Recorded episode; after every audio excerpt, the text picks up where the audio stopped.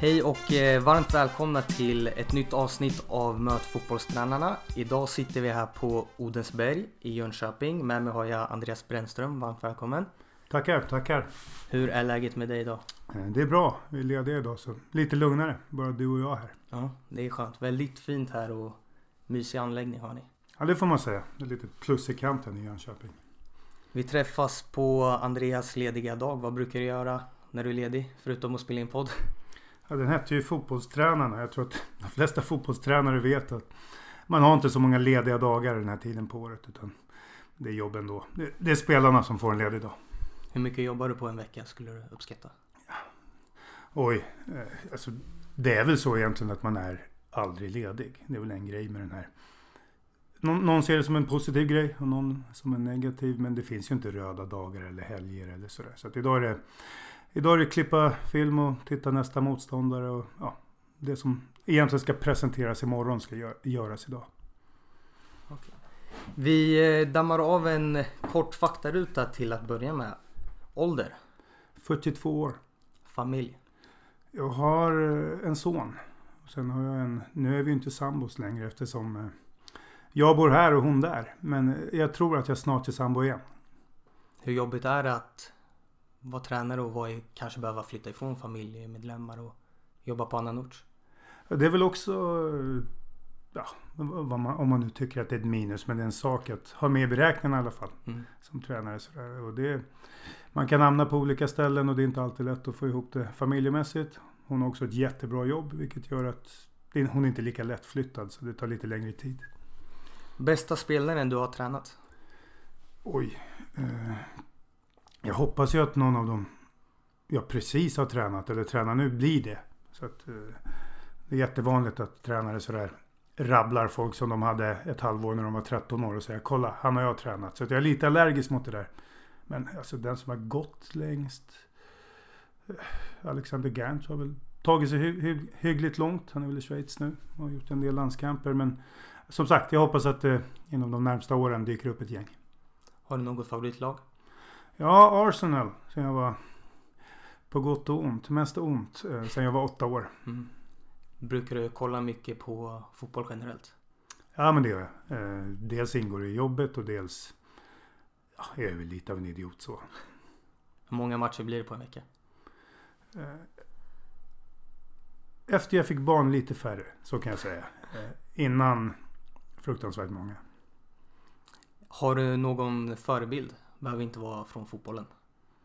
Jättesvårt att bara nämna en. Man blir så imponerad av människor världen över på något sätt. Och sådana som står upp mot orättvisor eller sådana. Alltså det finns ju en massa genrer där. Det kan ju vara allt från ja, Mitchells, Rinus Mitchells till, till Astrid Lindgren. Liksom. Så det är jättesvårt att bara nämna en sådär. Naturgräs eller konstgräs? Då säger jag nat- naturgräs. Kostym eller träningsoverallt på match? Åh, jag är ju mittemellan. Det var ju någon som, som sa att jag såg ut som en sån här so- securi- Securitas-vakt senast. Så att, eh, Det var väl fotbollsdamm? ja, precis. Så det var ju inte träningsoverall. Det var ju lite... Eh, jag, mer åt kostym i så fall. Fast Mm. jag bär inte kostym på match. Och eh, har du någon favoritsyssla utanför fotbollen? Nej, alltså det blir ju... Det är klart man skulle kunna spela golf men det går inte att motivera att liksom fem timmar här och där Nej. i det liv jag lever. Så det blir väl mer... Det låter ju trist men läsa en bok. Vad läser du för böcker? Ja, allt faktiskt. Min, min mamma jobbar faktiskt på bokhandel när jag var yngre. Så jag fick väl det där då på något sätt. Så att, eh, en hel del. Nu fick jag någon bok skickad till mig. Jag kommer inte ihåg vad den heter. En gammal tjeckisk författare. Ja, jag kommer på det senare. Har du någon favoritbok inom fotbollen som du skulle rekommendera? Det är en bra fråga.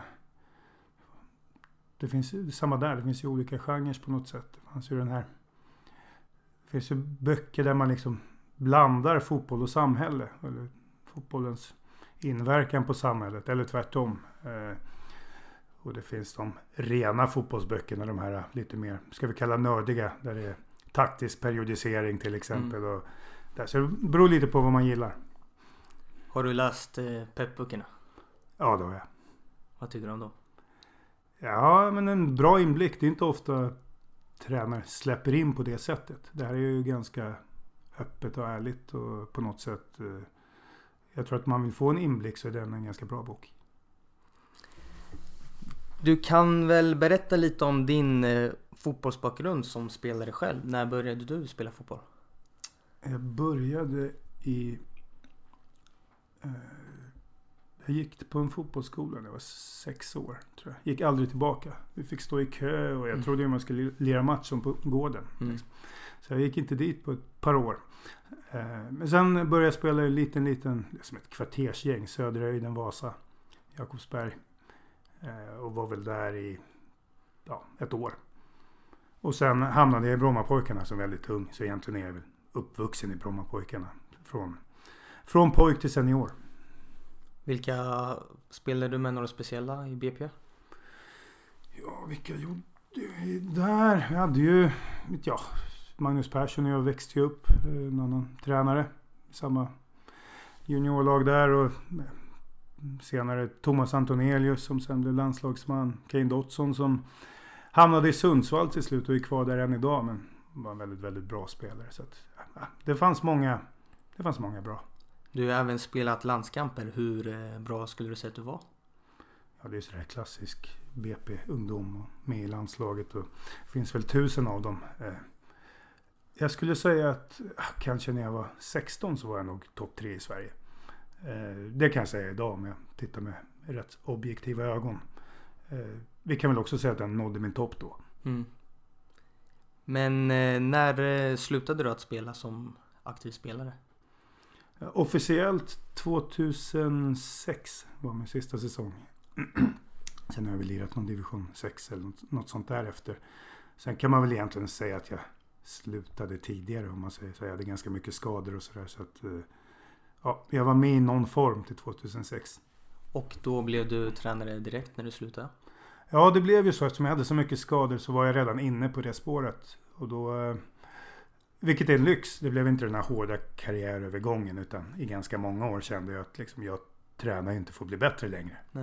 Utan, men det finns roliga saker med det där, det här klassiska omklädningsrummet. Och andra saker. Så att, men eftersom jag bestämde mig då rätt tidigt så kunde jag nästan använda mina tränare som studieobjekt. Om du förstår vad jag menar. Att mm. Jag såg en, liksom, en väg där senare så att jag kunde... Ja, jag fick se det på nära håll. Som ett enda långt studiebesök. Vilka tränare har du haft inom åren som du har lärt dig av? Jag hamnade ju ganska tidigt i en fotbollsmiljö. Eh, jag sa det till någon att det var konstigt men när vi var 16 där så gjorde Rickard Norling sitt första tränargig. Och vår assisterande. Han är samtidigt Erik Hamrén som gympalärare i skolan. Och så började man gymnasiet. Det var Tommy Söderberg där. Eh, på fotbollsgymnasiet där. Så att, eh, är hyfsade namn. Ja, de träffade jag rätt tidigt och det gick ju rätt bra för dem på något sätt. Ett par förbundskaptener och en svensk mästare. Flerfaldig.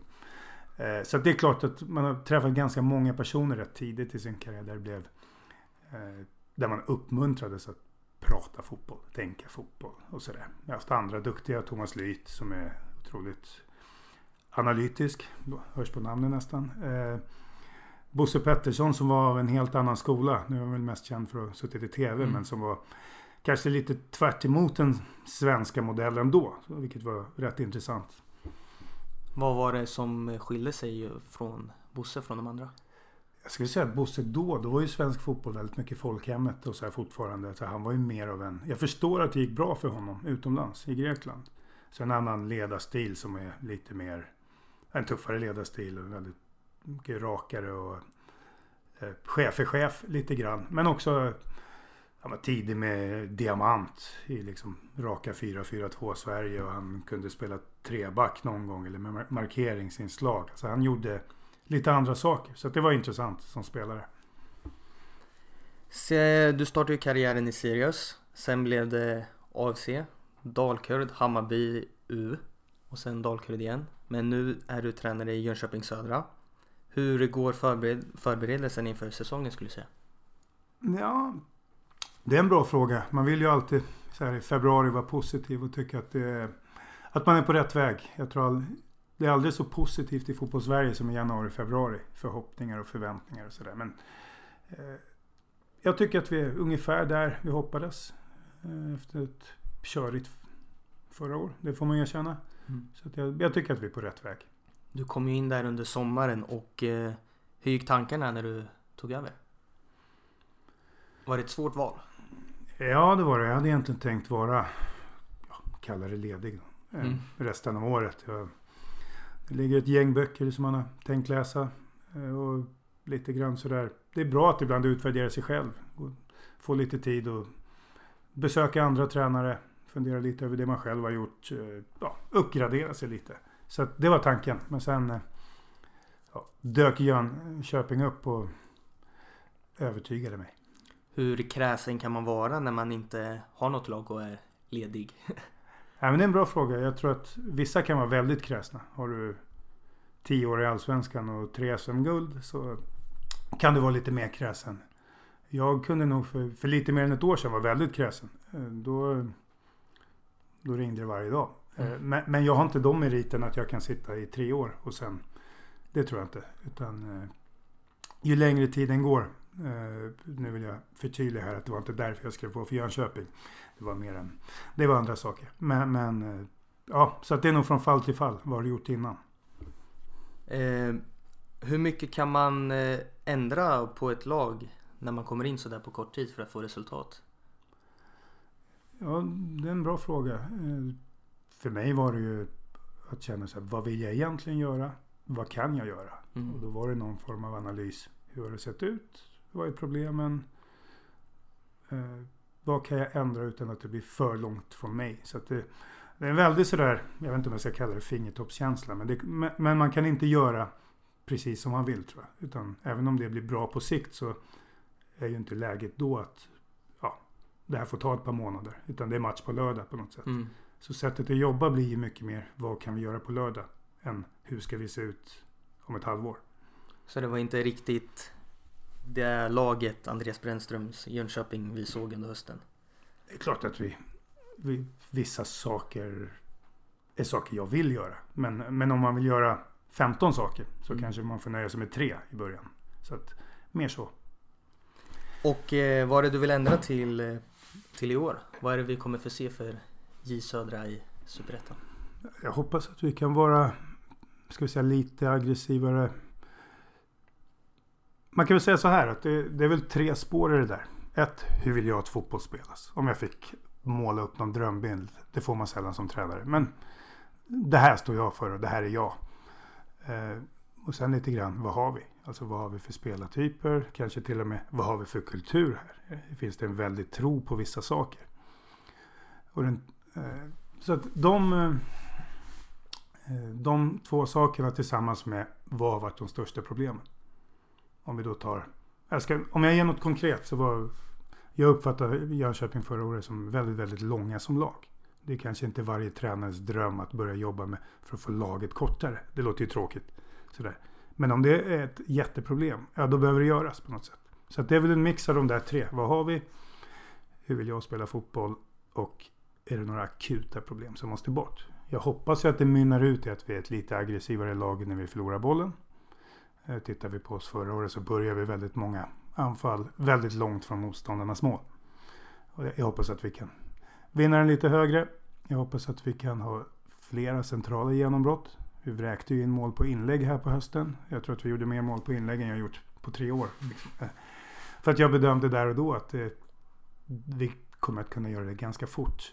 Eh, Men att bli giftigare framförallt i centrala ytor. Och det finns risker med det. Men det finns också plus. Innebär det att ni kommer spela ett mer, mer risktagande spel och försöka trilla mer boll? Ja, det tror jag nog Jönköping har gjort senaste åren ändå. Eh, på det sättet. Däremot har ju de haft andra saker de har prioriterat mer. Till exempel överbelasta en kant. Eh, det finns fördelar med det.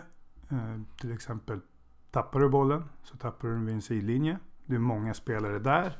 Alltså motståndarna börjar, börjar i ett läge där det är ganska svårt att göra mål. De börjar från ganska dåliga positioner där de har vunnit den.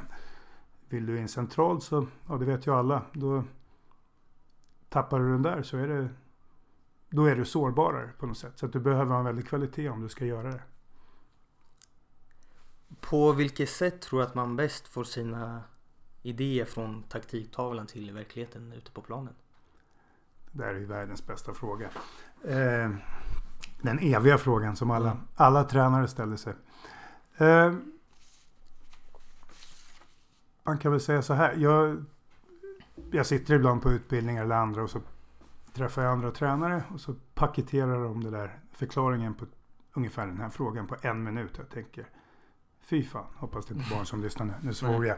Eh, att, det var imponerande. Men sen kommer jag hem och så tänker jag, men om det här händer och det här och det här och det här. Och det är ofta mycket mer att tänka på och större än att det går att ge ett enkelt svar. Av den enkla anledningen att det är en grupp. Det är olika människor. Eh, så att, och vissa behöver olika saker. Så att någon räcker för att lyssna. Och titta på tavlan och så fattar han. Han ser hela bilden. Någon behöver se video. Någon behöver öva och öva och se video och höra. Och där. Så att eh, det är väldigt lätt som tränare att man har en man har en genomgång och så slår, dunkar man sig själv i ryggen och, och säger att det där fick jag till. Nu fick jag med allt. Jag har i alla fall gjort mitt. Ingen Mm. kan anklaga mig för att inte ha. Men då blir det lite grann matteläraren, alltså matteprofessorn som går in i årskurs 7 och har mattelektion. Han kan ju fylla hela tavlan med formler. Men, och ingen kan anklaga honom för att ha gjort fel. Men det blir inget bra. För de förstår precis. inte vad han, det är över deras huvud på något sätt. Så att trixet där är väl att faktiskt, eh, jag har ingen generallösning, men, men eh, du behöver i princip luska ut vad varenda individ behöver. Och det är ju ett jäkla jobb att göra. För att det ska... Sen är vissa grupper olika. Någon är äldre och väldigt vana att ta till sig mycket taktik. Vissa är, Eh, är inte det. Så att det är lite grann att läsa av. Hur snabbt kan jag gå fram med den här gruppen? Hur mycket klarar de av? Och hur snabbt förstår de det? Så att det finns ingen liksom generell att så här gör man. Däremot så det är väl mitt tips om någon ung tränare ska bli tränare. Att du behöver lite grann känna av det här. Att hur mycket... Hur snabbt klipper de det som jag har sagt här? Eller jag har visat på tavlan? Eller är det här, finns det ett stort behov av att se det på video? Eller finns det ett stort behov att vi går ut på plan och går igenom övningen först? Alltså att, var är de någonstans? Och där är ju Superettan speciell.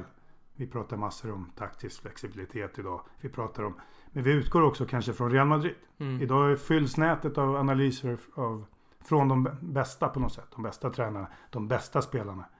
Så tar du en spelare till Real Madrid så lär du inte honom slå inlägg. Nej. Utan han är ju där av en anledning. Han kostar en miljard och så är han bäst på det i världen. Eh, Men eh, till exempel Superettan. Det kan vara en... Det är tre juniorer. Och så är det två spelare som har värvats från division 2. Och så är det en kille med 100 allsvenska matcher. Alltså det blir en... Det blir en helt annan blandning. Och därav är det svårt att hitta liksom ett sätt för alla. Mm. Hur mycket är träningen J Södra anpassad till spelidén? Eh, mer och mer skulle jag säga. Och det är det jag menar. Om- jag kommer här i höstas så blir det ju ofta i ett läge där man kanske mer släcker bränder än Mm. att driver en idé. Eh, men om vi tittar nu, det är väl skillnaden nu mot då. Om du kommer in och ska, ska vi säga, snabbt kalla det rädda något eller få ordning på något. Eh, ta dina poäng. Eh, så att klart mer nu. Sen finns det nog de tränare som har det ännu mer systematiskt än mig. Jag är väl någonstans mittemellan där. När, eh, på vilket sätt brukar du bygga dina lag? Har du oftast en grundtanke som alltid finns med eller går du helt på vilka spelare som finns i truppen? Ja, men det var det där vi var inne på. Alltså, vad har jag? Vad är kulturen här? Vad är problemen? Vad vill jag göra? Om då, vad vill jag göra? Tittar man på tidigare lag så har jag haft några jätteviktiga roller om vi pratar bara på plan då. Jag har ju ofta byggt det runt en sexa som har haft ja, när jag kom till Dalkurd till exempel så hade vi en ung Smile Suljevic som varit på bänken året innan men ja, ett år senare styrde han ju oss liksom, mycket av vår, vår tempo, vår riktning sådär. Eh, vi hade Revan Amin senare som som också växte. Han hade ju inte spelat några seniormatcher innan han kom dit. Men, eh, och hade lite svårt i början. Men tittar man på hösten så, samma där, så hade han kanske den största rollen av alla. Eh, så att det är en sak jag har gjort till exempel. Jag har jobbat ganska hårt med direkt återerövring. Vi har varit väldigt aggressiva när vi har förlorat bollen. Och ska man titta tillbaka så det finns ju en sak, eh, ska vi kalla det mittback av klassiskt svenskt snitt. Eh, hyfsad längd, bra på huvudet, rejäl. Så har jag nästan aldrig spelat med sådana. Då har jag haft andra typer. Alltså i grunden till och med forwards, men ytterbackar eller mittfältare. Så, så att, där, har vi, där har jag kanske skilt mig från många andra. Sådär. Sen kan jag inte kanske göra allt det där när jag kommer hit. Eh, vi kanske inte har den typen av sexa här. Och då får jag lösa det på ett annat sätt. Du har i din Twitter-bio skrivit citatet Quality without results is pointless. Results without quality is boring. Hur Jag, tänker du kring det? jag önskar ju att det var jag som hade kommit på citatet. Jag har faktiskt snott det. Mm. Eh, men eh, jag tycker nog ungefär så. Om vi tittar här, nu kom jag hit i höstas. Sådär. Att, ja, vi tog ju bevisligen tillräckligt många poäng för att hänga kvar. Och det var väl målet då. Mm.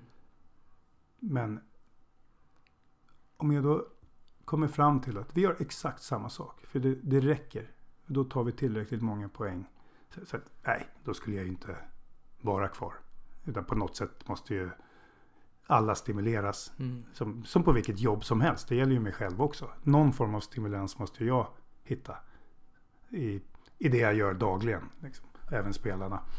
Så att eh, det, vi måste liksom hitta någon form av kvalitet i det vi gör. Och det behöver synas att vi tar processen framåt. Och det behöver synas att oj, nu börjar det finnas mönster i det här. Nu börjar det se ut som, som att de faktiskt har jobbat fram någonting. Och känner inte jag det så blir inte, blir inte jag stimulerad.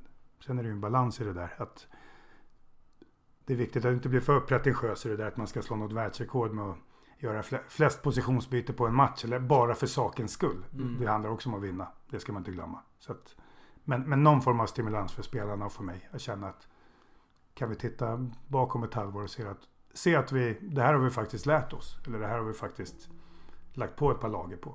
Det måste finnas, tycker jag. Vad skulle du säga har ändrats genom året från ditt första uppdrag till idag? Vad ska symbolisera ditt lag? Har du, har du haft samma idéer genom alla år?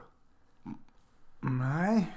Eh, fast ibland går man tillbaka och ser man någon gammal anteckning och så tänker man så här. Det var ganska bra. Varför släppte jag det? Men eh, generellt så kan man säga att eh, man gick in som fotbollstränare och ville på något sätt sådär, hade egna idéer om spelet fotboll. Och så drev man dem stenhårt. Sådär. Så att om du frågar vad som har ändrats. Det är klart att saker i det spelet har ändrats. Men kanske att det idag är mindre jag och lite mer lyhört inför ja, vad har jag här, där och den andra biten, alltså ledarskap. Man har Mm. lärt sig väldigt, väldigt mycket där. Då var det my way or highway. Och så Mm. mi- mitt system ska bankas in för jag har jättebra idéer, jag är tränare.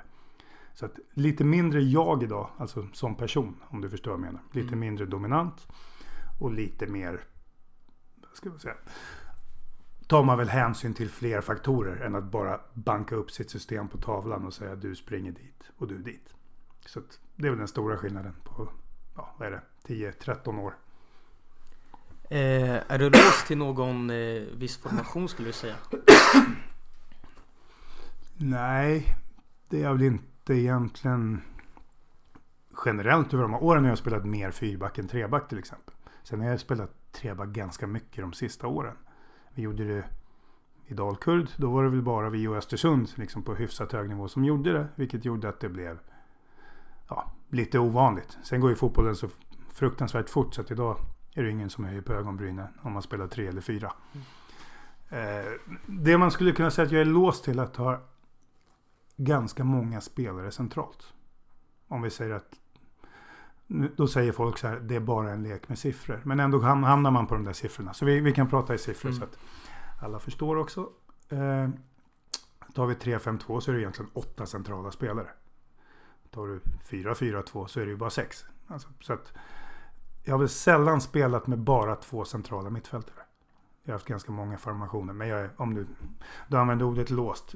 Låst kanske man inte är, men i de allra, allra flesta fall föredrar jag att vara mer än två centrala spelare. Vad är största skillnaden skulle du säga mellan fyrback och trebackslinje? Det beror ju på hur man spelar. Nu, eh, du kan ju spela ibland Femback är ju inte ovanligt nu. Sen kallar man det gärna treback. Det låter ju lite snyggare. Femback är ju i större utsträckning tycker jag om du tar Ta Malmö när de åker ner till är det Salzburg eller vad det nu är för ett gäng år sedan med Har Hareide. De spelar ju femback och det, i det fallet handlar det bara om att stoppa in en till mittback. För man, för man gör slutsatsen att man drar den slutsatsen att om vi spelar precis som vanligt så kommer de här bli övermäktiga. Mm. Det kommer smälla runt våra mittbackar med väldigt mycket spelare. Väldigt mycket. Vi behöver stänga ner dem. Då är ju den taktiska lösningen att vi gör det trängre i den ytan. Och så har man en femback. Det är inte så stor skillnad mot en fyrback. Man är en till. Pratar man en treback så finns det olika sätt att spela det också. Men från mitt håll så är det lite mer man-man baserat. Mer man-man än position för försvar. Om man tar den klassiska fyrbacken med överflyttningar och så. Så räknar man och tittar lite mer spelare. Så kan man väl säga. Hur mycket skulle du säga att du anpassar dig till motståndarna? Till exempel om de spelar med en eller två forwards och sätter hög press eller om de backar ner? Jag eh, kan säga väldigt mycket i mitt huvud. Att jag jag tänker en massa lösningar. Sen ger jag inte alla lösningar till spelarna. Jag kan liksom inte se fem matcher och, och sen delge dem all information. Det blir för mycket. Mm. Mer att jag har en lösning om något skulle hända. Eh, sen är det också, vad är du för läge? Är du i Dalkurd där jag var, där vi var favoriter att vinna serien. Då kan du titta på motståndarnas fem senaste matcher. Men det kommer ändå inte se ut som mot dig. De kan spela med två forwards i 18 matcher i rad. Men när de besöker dig kommer de inte göra det. Vilket gör att man får passa sig lite för att ibland att eh, dra. Eller, eller som vi var, bottenlag förra året. Ja, då märker man att motståndarna in, de ändrar ingenting på grund av oss. Så då får du lite gratis. Mm. Så det är också sådana saker. Men eh, en del anpassar jag mig. Eh, och precis, jag tittar på sådana saker. Spelar de en eller två forwards? Hur vill de spela upp den? Vad gör de på fasta situationer? Eh, också så kanske, hur skapar de chanser? Det finns många lag som pratar om en spelidé och de driver ett eget spel säger de. Eller, men det är inte så de skapar chanserna ändå. Liksom på något sätt. Så ibland är det en stor, stor skillnad mot vad de sysslar större delen av matchen med. Till, till hur de faktiskt skapar chanser. Så det brukar jag liksom titta av. Hur lång tid brukar du lägga på att scouta motståndarna? Säg att det beror lite på vilken stab man är. Ibland har man varit ensam. Här har vi lite fler folk. Då blir det mindre tid för mig. Men mer tid generellt. Men vill åtminstone ha koll på deras tre senaste matcher. Och sen ser jag ju till att ha sån koll att jag kan spelarna i serien. Det vill säga jag vet att de, om de spelar med honom istället för honom så får de en mycket snabbare spelare eller mycket, ja vad det nu är, skillnaden. Så att individuellt rätt mycket generellt och sen om man ser de tre senaste matcherna så att man liksom har koll på hur ser de ut nu. Hur eh, mycket presenterar du för spelarna? Man har ju varit med själv om att träna har en matchgenomgång på ganska lång tid och så efter halva tiden sitter spelarna och halvslumrar lite. Ja men där är du inne på något. Du frågade tidigare vad är skillnaden på dig idag och för ja, ett antal år sedan. Mindre idag. Då tyckte man väl kanske att nu har jag gjort mitt jobb. Och nu är det, ni kan inte ha missat något för jag har gjort allt där. Och då blir det den här matteprofessorn på, i årskurs 7 på något mm. sätt. Att, visst, inget av det du gör är fel, men det är ingen effekt. Så att mindre idag och ska vi säga mindre doser. Alltså det kan vara en liten genomgång på video. Och det kan vara ett snack med några få spelare ute på plan. Och det kan vara ytterligare något kollektivt ute på plan. Och lite video igen. Alltså att det blir små doser. Men det blir inga entimmers genomgångar på något sätt. Sådär. Hur mycket kan man förändra under en match? Eh, kan man förändra en matchbild helt? Hur mycket försöker du förändra? Ja, det är också intressant apropå det här eh, vi var inne på tidigare. Real Madrid eller Superettan. Eh, idag pratar vi ju, det har blivit ett jättevanligt uttryck, taktiskt. Taktisk flexibilitet. Det är viktigt om man ska kunna ha minst två system och sådär. Men om det kommer hit en kille från division 2 som är 20 år gammal han har nästan nog med att överleva här första halvåret. Alltså att, att liksom ta upp det vi gör här. Att anpassa sig till det kanske är mer träning, det är mer regler eller det är längre resor eller det finns en massa saker. Att då slänga på honom tre system och att han ska kunna på något sätt förändra sin bild av matchen tre gånger per match. Det blir återigen att jag låter skitbra. Men det kommer inte hända. Så det är också avvägningen att göra. Jag har ofta innan en match liksom massor med scenarion i mitt huvud. Vad kan hända då? Hur skulle vi göra där? Däremot, det är ofta en fundering från sidlinjen. Jag, om jag gör det här nu, som jag egentligen tycker är bäst för matchen. Det vore absolut den bästa förändringen vi kan göra. Är det troligt att vi kommer lyckas genomföra den på kort varsel? Eller blir det bara kaos? Så det är alltid en sån här avvägning man får göra. Så att det handlar, för mig handlar det mycket om att jobba med vissa scenarion i träning. Så att, ja, vad händer om vi leder i, med 1-0 i 89 minuten? Hur ska vi se ut då? Det är en ganska konkret sak. Mm. Men också när vi får problem med det där, hur kan vi lösa det? Så att vi har en del saker i verktygslådan som lag som vi redan har gjort innan.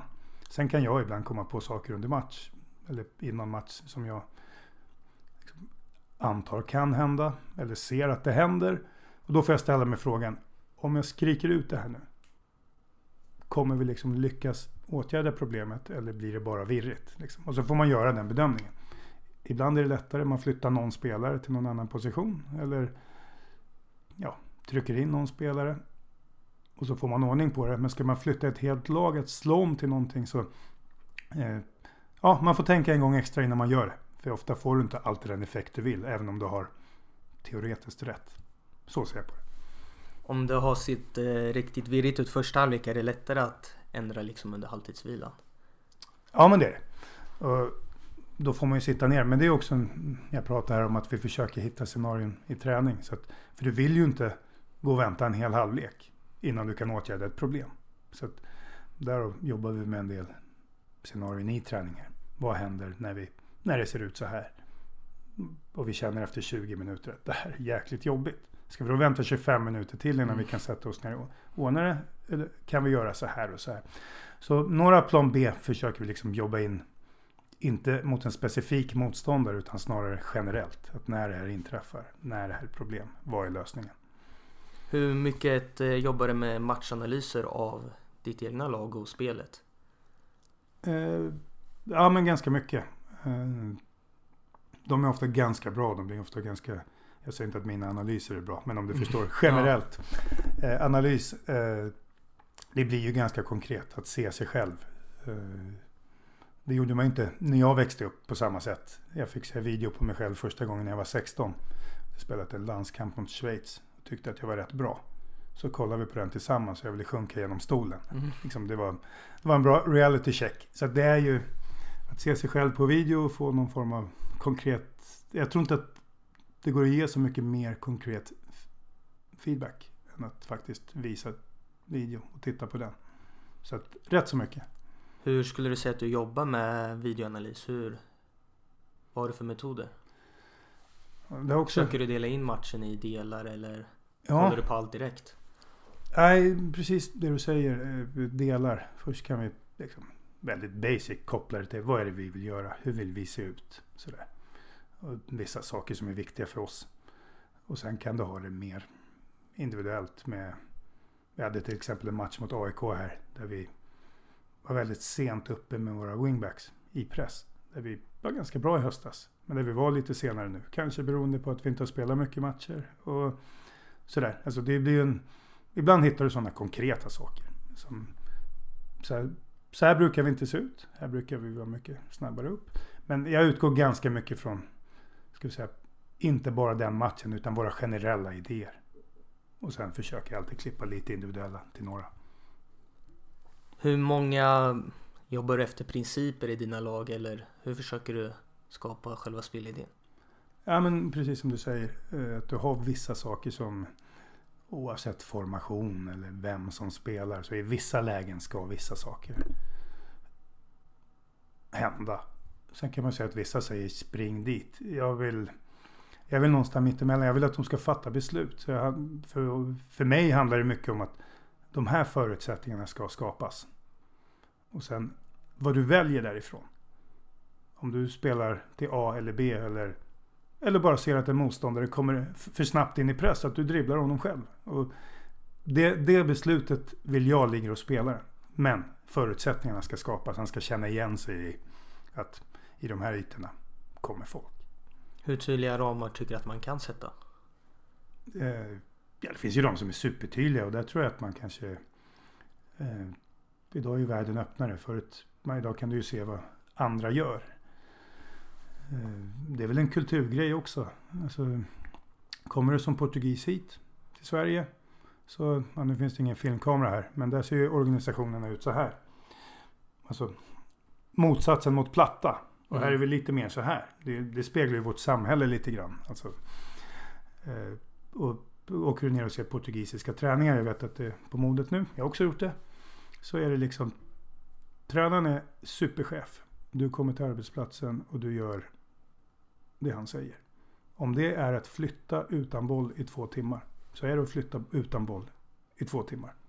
Och det är taktiskt och det. Men det är ganska svårt att genomdriva en sån träning i Sverige. Du kan göra det. Och du kan säga exakt var de ska springa. Men vi är lite mer, kanske för att fotbollen inte har varit professionell på samma sätt här så länge. Och sådär att det, det ska vara lite lustfyllt eller det ska finnas någon form av... Det har förändrats lite såklart. Eh, så att jag tror väl på något mellanting där eftersom jag jobbar i Sverige. Jag tror att om jag jobbade i ett sydland skulle jag behöva vara mycket mer dominant. Peka lite mer med hela handen. Men, men så att det går att styra. Jag tror det var Capello som sa någon gång att det är viktigt att vara tydlig så att spelarna inte behöver fatta några egna beslut. Mm. Och där, där håller inte jag med honom. Men, mm. men det säger lite om att det går att styra det väldigt tydligt. Han har ju också haft framgångar.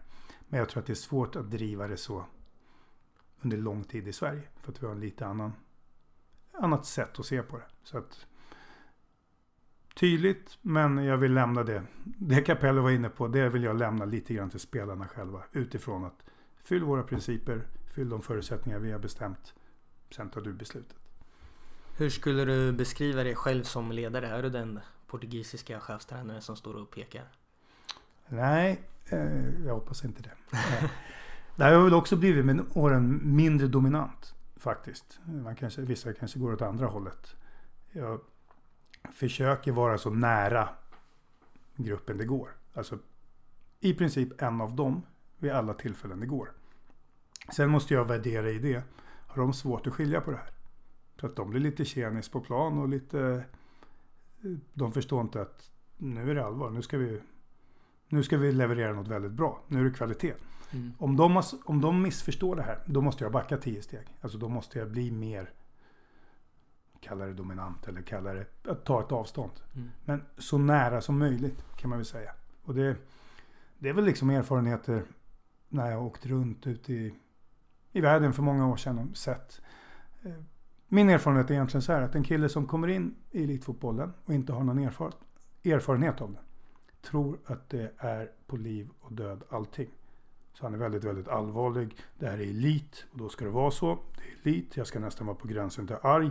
Man får inte le för det här är elit. Men det är ingen som orkar leva så dygnet runt, sju dagar i veckan. Och så åkte man till Rosenborg på den tiden. De var i Champions League varje år i princip. Och Barcelona. På den tiden Pep var i B-laget. Alltså när de egentligen byggde det som sen skulle bli någon form av dynasti. Och Partizan Belgrad och andra ställen. Och märkte att du kan ju se en spelare i spelartunneln innan en stor, stor match på TV. Så är det ganska avslappnade grabbar. Så att de är otroligt bra på av och på.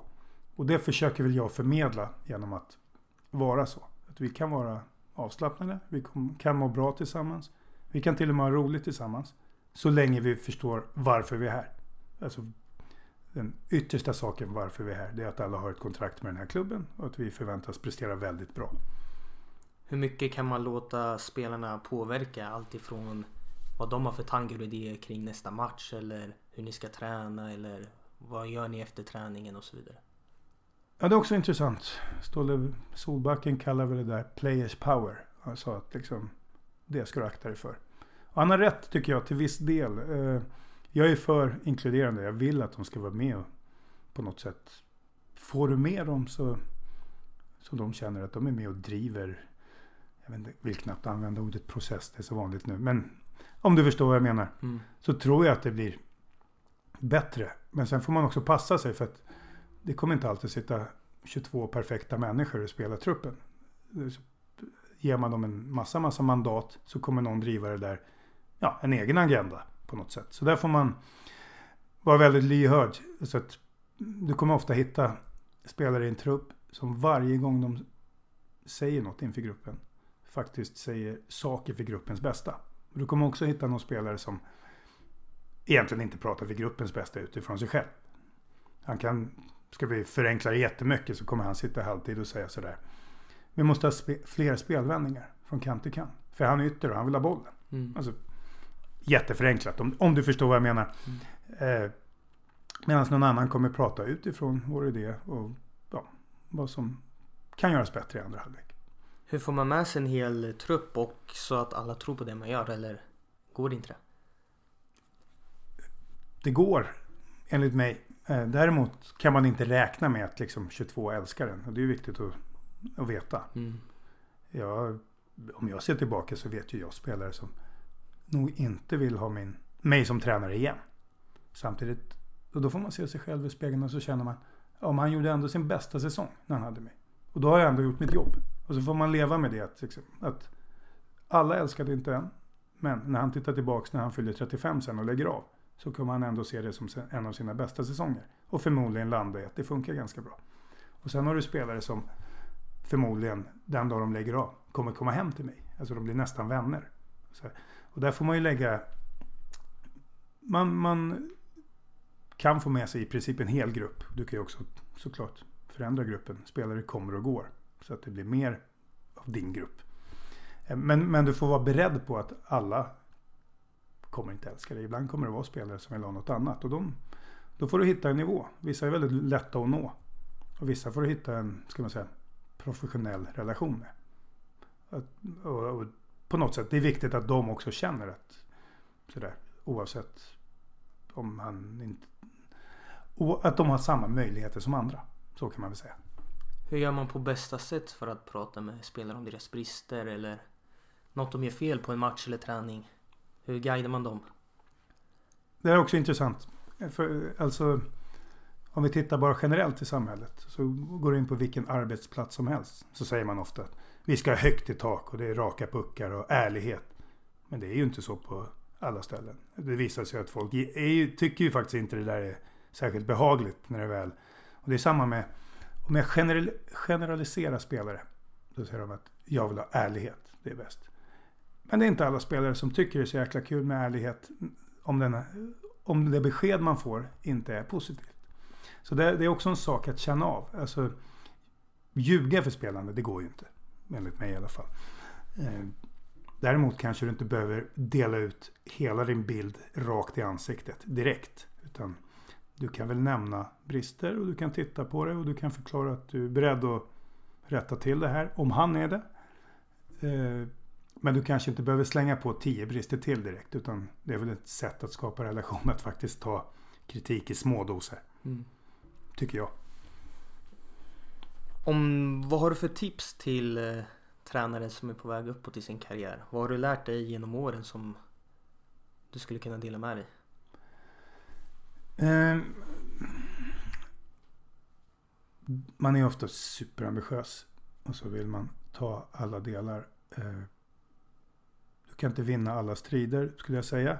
Och då tänker man strid, det behöver inte vara ett liksom, stormande bråk vi pratar om här. Utan om du har 50 saker som du vill driva igenom på alla. Det kan vara neråt akademin och det kan vara spelidé och det kan vara att andra saker runt match funkar bättre. Alltså det finns ju massor saker i en fotbollsklubb. Så måste du lära dig att prioritera bland dem. För du kan räkna med att allt kommer inte bli exakt som du vill. Och det kan jag väl säga, när jag började så hade jag ju liksom en nästan perfektionism i det där. Vilket gör att du går bara runt och är arg. Mm. Och irriterad. Eller inte bara, men alldeles för ofta är du irriterad över små saker som du behöver lära dig liksom att vad är absolut viktigast? Vad släpper jag aldrig på? Och vad är jag beredd att strida för? Men du kan inte ha 25 sådana saker. För då blir du liksom...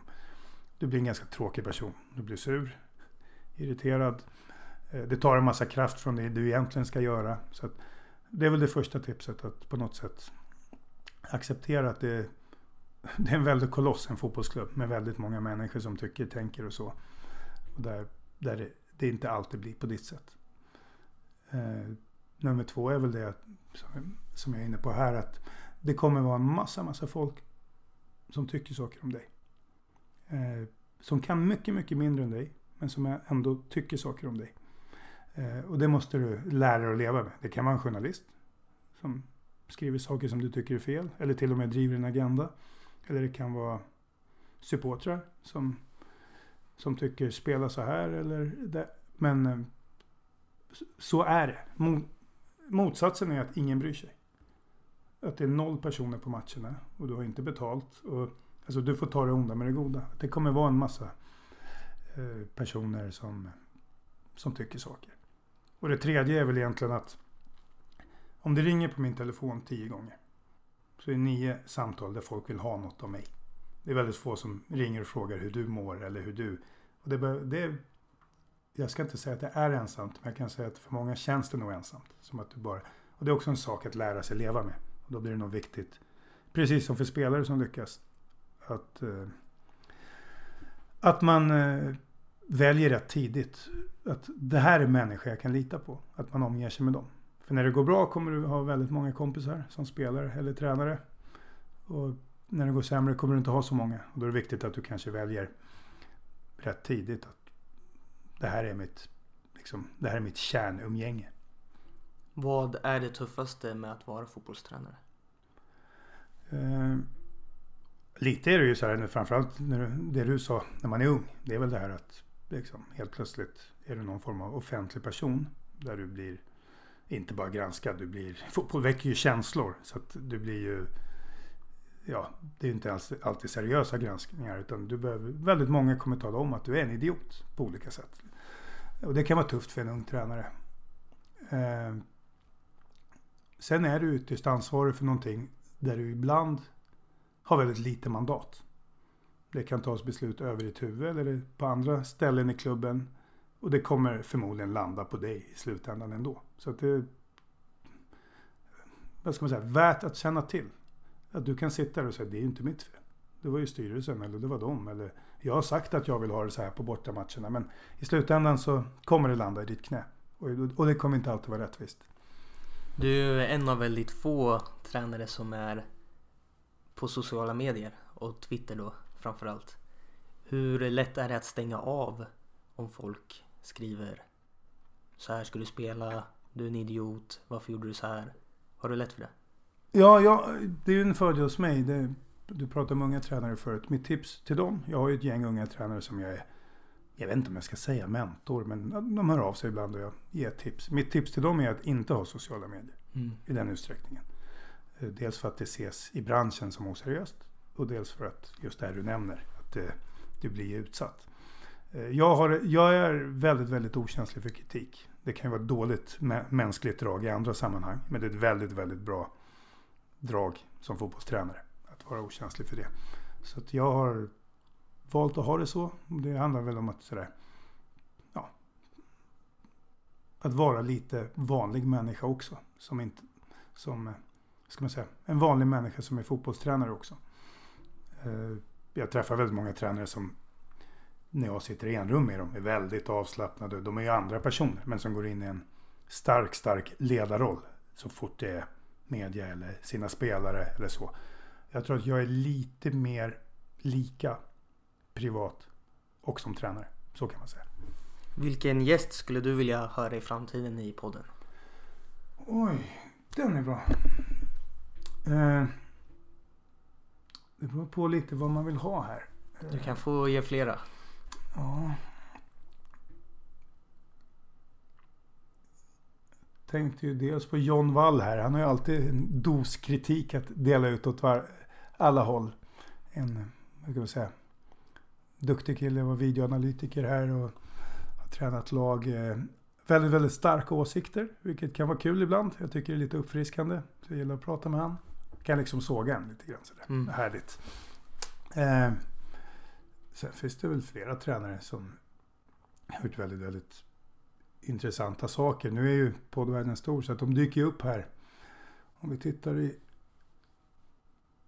Superettan får du Klebergsarren på att ställa upp. Han ställer väl aldrig upp på sånt tror jag. Så då, då har du gjort en bedrift. Eh, har vi någon mer som sticker ut lite grann? Axén var ju en sån, han sitter ju redan i podd nu liksom på något sätt. Hade du frågat mig för fyra år sedan så ta han så får du ett riktigt härligt program. Vi bor ju nästan grannar så Ja, får se till att lösa det. precis. Så att... Eh, ja. Jag vet inte riktigt. Jag har ingen sådär, utan... Det är väl de två, det är olika typer men ingen av dem är tränare för tillfället. Så att, däremot kanske båda blir det snart. Och de är ju rätt frispråkiga även när de är tränare. Tack så mycket Andreas Brännström för att du tog dig tid. Tack själv! Tack för att du har lyssnat på det första avsnittet av Möt fotbollstränarna. Gå gärna in och följ podden på Twitter, bara att söka på Möt fotbollstränarna. Prenumerera gärna för att få notiser när nya avsnitt släpps. Skulle också bli jätteglad om ni delar avsnittet med era vänner och även betygsätter podden i podcastappen. Har du några tankar, idéer eller tips på gäster? Hör gärna av dig på daniel.angegard.gmail.com. Vi hörs i nästa avsnitt.